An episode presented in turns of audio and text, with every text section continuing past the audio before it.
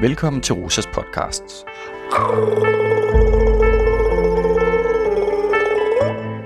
I denne episode, Forebyggelse som holdsport, vil psykolog Rikke Høsted komme ind på forebyggelse af belastning som noget, der ideelt set foregår på flere forskellige niveauer. Som individer har vi hver især et ansvar for at passe på os selv, men det går galt, hvis den enkelte står alene med ansvaret. Forebyggelse er først og fremmest en holdsport.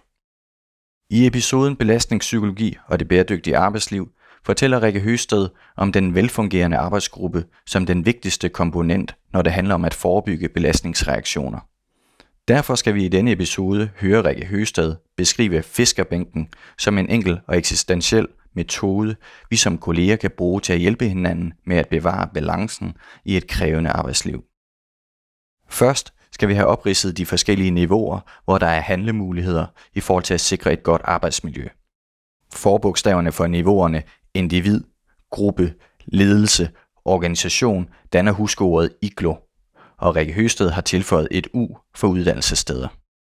Det er vigtigt, at man øh, har blik for, at det er en holdsport, og alle har en plads på banen, alle har et ansvar, alle har en rolle i organisationen, og heldigvis alle har handlemuligheder.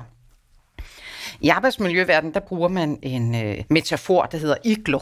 Og det er fordi, at de fire bogstaver i iglo øh, er gode til at, at markere forskellige niveauer. I'et, det står for individ, altså hjælp til selvhjælp. Hvad er det, vi hver især skal kunne gøre for at hjælpe os selv, nu når vi har rodet os ud i at have så dejligt meningsfuldt et arbejde, men vel at mærke også et arbejde, hvor der er konstant afregning ved kasse 4, hvis vi ikke ser på, hvordan vi løser opgaverne. Ged, det står for gruppen, altså kollegerskabet. Hvordan vi som kolleger kan støtte hinanden. L'et, det står for ledelsesniveauet, og O i øh, i igloen står for organisationen. Altså, hvad er det for et ansvar og handlemuligheder, organisationen har? Og endelig så har jeg faktisk puttet et U i kælderen af den her IGLO. Og det U, det står for undervisningsstederne, fordi det er så vigtigt, at man allerede undervejs i sin uddannelse får en bevidsthed om, at man er i gang med at uddanne sig til et fag, der stiller de her høje følelsesmæssige krav til en, og at man vil blive påvirket, og en del af ens faglighed handler om at kunne håndtere den påvirkethed, så det ikke bliver til belastninger. Og til min store glæde er der så mange uddannelsessteder, som henvender sig i de her år, fordi de netop ønsker, at vi skal komme ud og undervise dem. Og det, jeg er så glad, både på socialrådgiveruddannelsen og sygeplejersker og pædagoger har fået blik for, at det virkelig er vigtigt at også klæde de studerende på med den viden. Nå, men det er vigtigt, at på alle niveauer, så at sige alle etager af den her iglo, at der er handlemuligheder.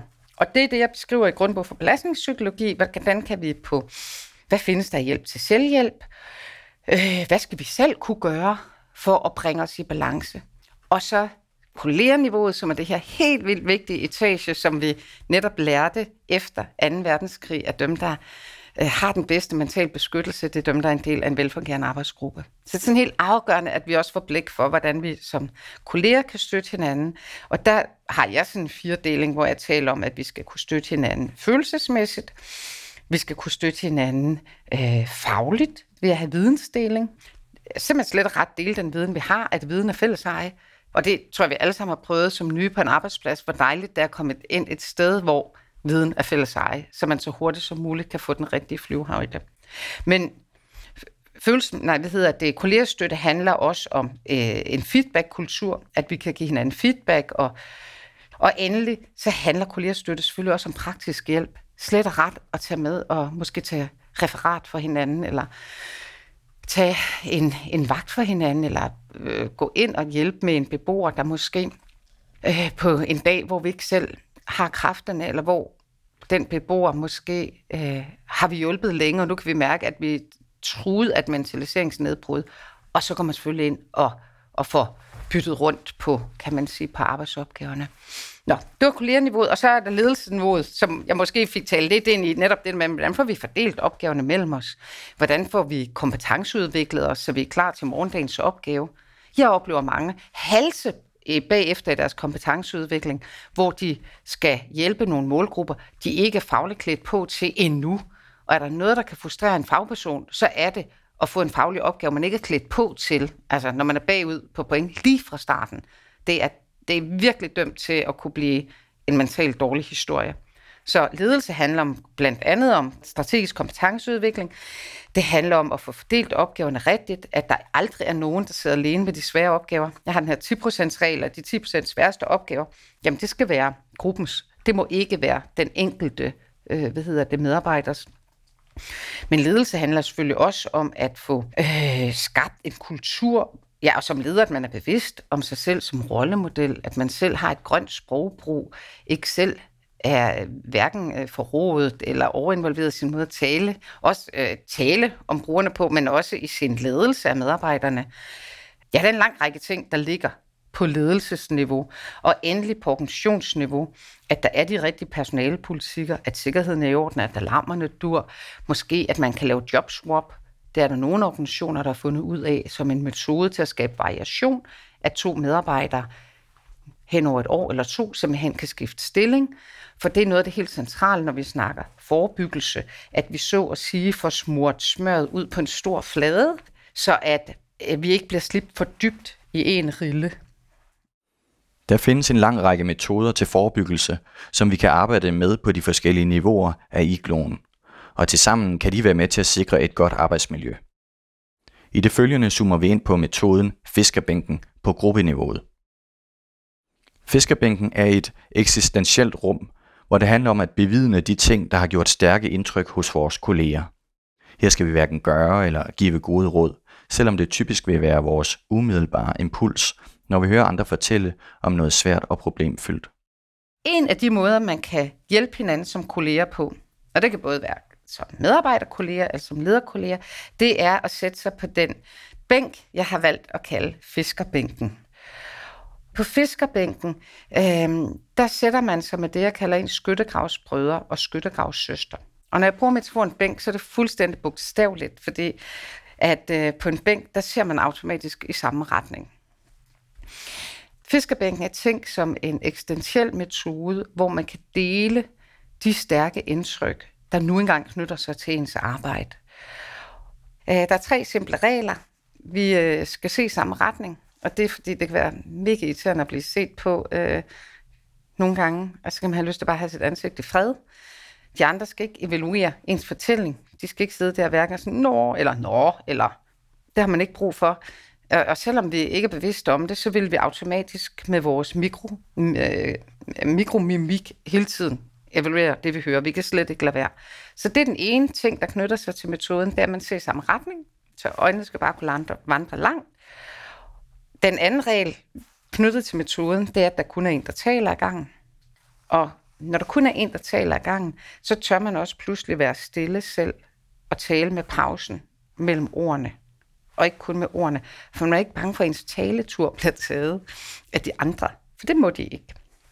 Det kan godt føles sådan lidt mærkeligt, fordi sådan plejer vi ikke at tale sammen. Eller være sammen. Og hvis der man så sidder der på fiskerbænken, og man, den, der taler, man sådan har det sådan lidt, øh, er I der? Så er det selvfølgelig fint, den anden lige sådan markerer med en skulder måske, eller bare siger, mm, vi hører, hvad du siger. Fordi det kan godt føles lidt svært, det anerkender jeg.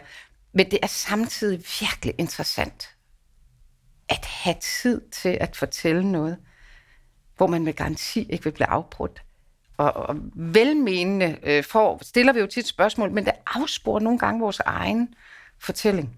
Nå, så er regel nummer to, og regel nummer tre er nemlig, at de andre de skal lytte, og de skal lytte med alt, hvad remmer og tøj kan holde. De skal lytte med deres, øh, jeg næsten har lyst til at sige, musikalske ører. Det er ikke det analytiske øre. De skal ikke sidde bagefter og give et godt råd. Ah, ah, det er ikke supervision. Det her, det er væren med hinanden. Vi skal opleve noget sammen. Vi skal ære, at den anden betror sig til mig, fortæller det her, vælger at dele det, og det skal jeg opleve. Det skal bevidnes. Og, og den anden skal mærke, jeg tør høre, hvad du siger. Fordi nogle gange, når vi kommer med alle vores spørgsmål eller gode idéer, så er det faktisk, fordi vi ikke helt kunne have det, og nu skal vi fikse det, og nu skal det blive anderledes, og sådan og håndteres. Og det er også vigtigt, at øh, vi giver hinanden gode råd. Det er bare et andet rum. Fiskerbænksrummet, det er et eksistentielt rum, hvor vi øver os i væren. Og det skal vi øve os i, når vi er sammen med mennesker. Altså, hvis du har et relationsarbejde, skal du øve dig i væren. Og vi skal forstå den kraft, der er i væren.